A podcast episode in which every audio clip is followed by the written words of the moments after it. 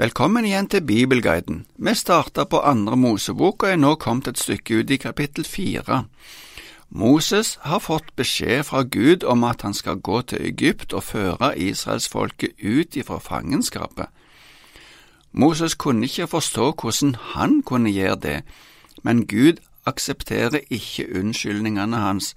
Han skal få med seg Aron, broren, og sammen skal de utføre dette oppdraget.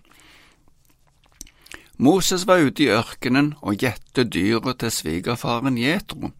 Før han kunne gå til Egypt, måtte han jo tilbake med dyra, og i kulturen der var det naturlig at han spurte svigerfaren om tillatelse til å reise bort. Vi skal nå lese videre i kapittel fire, ifra vers 18 og ut kapittelet til vers 31. Moses gikk tilbake til Jetro, svigerfaren sin, og sa til ham, jeg vil bryte opp og dra tilbake til mine landsmenn i Egypt, så jeg kan se om de ennå er i live. Og Jetro sa til Moses, Gå med fred. Herren sa til Moses i Midian, Bryt opp og dra tilbake til Egypt, for alle som ville drepe deg, er døde. Så tok Moses sin kone og sine sønner og satte dem på et esel og vendte tilbake til Egypt og Moses tok gudsstaven i hånden. Da sa Herren til Moses, Når du kommer tilbake til Egypt, se da til at du gjør alle de undrene for farao som jeg har lagt i din hånd. Men jeg vil gjøre hans hjerte ubøyelig, så han ikke lar folket dra. Du skal si til farao, Så sier Herren, Israel er min førstefødte sønn. Jeg sier til deg, La min sønn dra så han kan tilbe meg. Men nekter du ham å dra, se, da vil jeg drepe din førstefødte sønn. Mens Moses var underveis og hadde søkt nattely, møtte Herren ham og ville ta hans liv. Sippora tok da en kvass stein og skar av forhuden på sønnen sin og berørte føttene hans. Hun sa, Du er min blodbrudgom.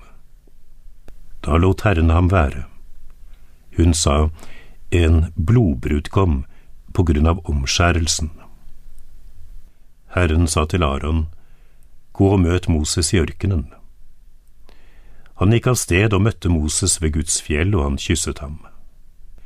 Moses fortalte Aron om alle de ordene som Herren hadde sendt ham med, og alle de tegnene han hadde pålagt ham å gjøre. Så gikk Moses og Aron og samlet alle israelittenes eldste. Aron sa fram alle de ordene som Herren hadde talt til Moses, og han gjorde tegnene for folkets øyne. Og folket trodde. Da de hørte at Herren hadde holdt øye med israelittene og sett at de ble plaget, bøyde de seg til jorden og tilba. Som sagt kom Moses til svigerfaren Jetro og sa han ville bryte opp og dra tilbake til sine landsmenn i Egypt. Svigerfaren svarte helt enkelt gå med fred. Gud bekreftet òg på nytt der i Midian at han skulle bryte opp og dra til Egypt.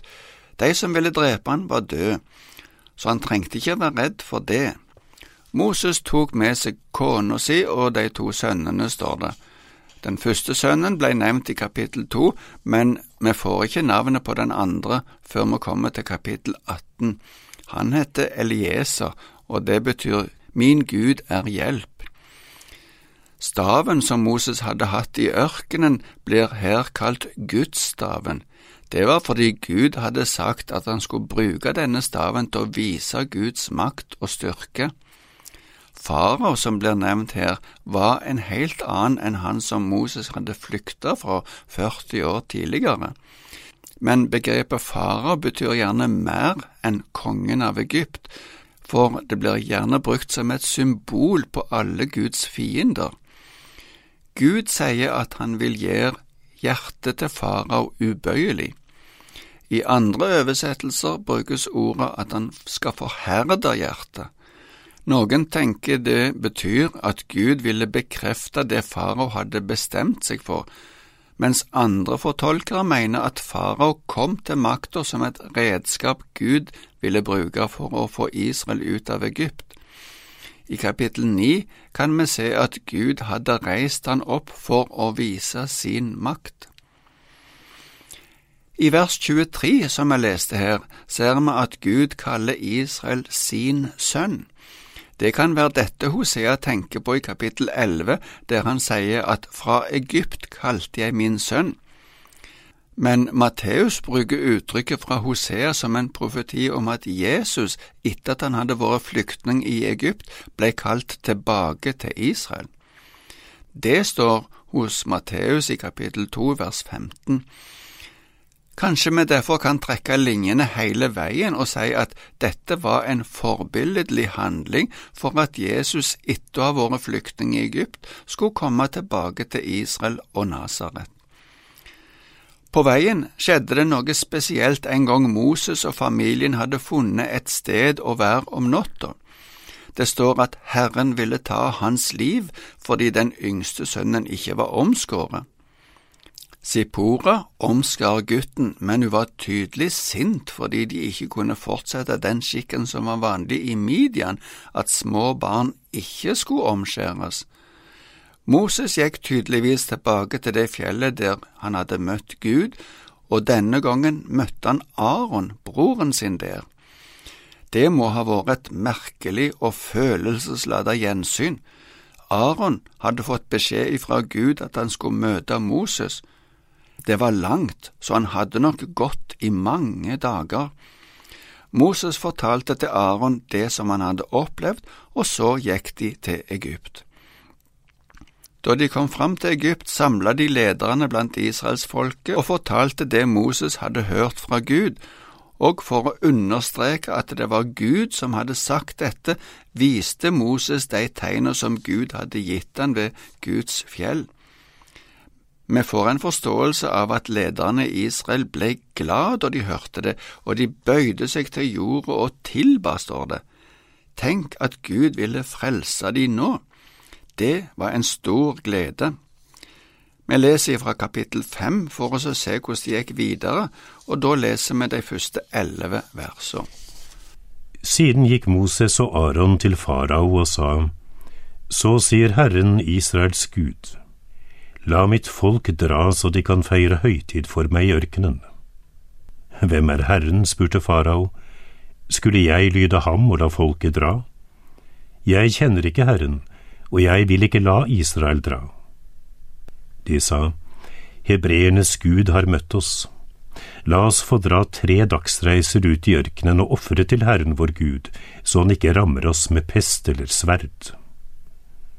Men egypterkongen sa til dem, Moses og Aron, hvorfor vil dere holde folket borte fra pliktene? Gå tilbake til arbeidet deres. Så sa farao, Se hvor tallrikt folket er blitt i landet nå, og dere vil få dem til å legge ned arbeidet. Samme dag ga farao befaling til folkets slavedrivere og oppsynsmenn. Heretter skal dere ikke gi folket halm til å lage murstein med slik som før. De skal selv gå og sanke halm. Men dere skal pålegge dem å lage like mye murstein som før. Dere skal ikke skjære ned på mengden. For de er late, derfor skriker de, la oss dra og ofre til vår Gud.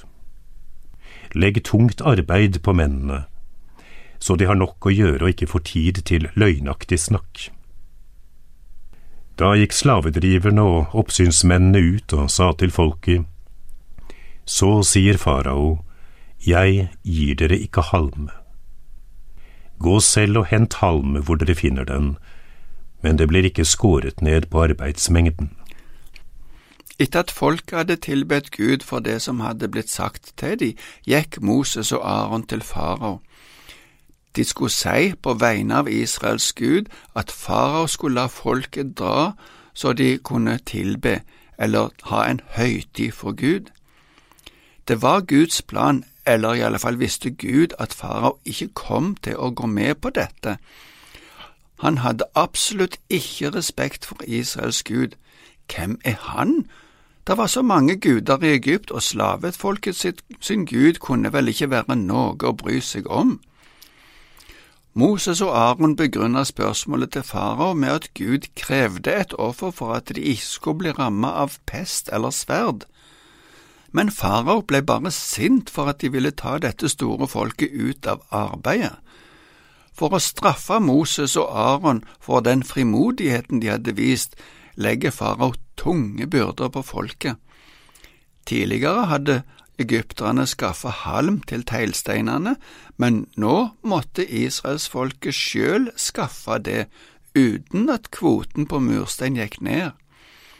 Det blei mye mer arbeid å gjøre, og farao hadde beskyldt de for å være late. Det hender for oss òg at når vi prøver å gjøre motstand mot det som plager oss, blir plagen bare enda verre. Det kan føre til fortvilelse og skuffelse ifra israelsfolket. Det skal vi se på i fortsettelsen, men det får vi ikke tid til mer i dag. Takk for nå, og Herren være med deg.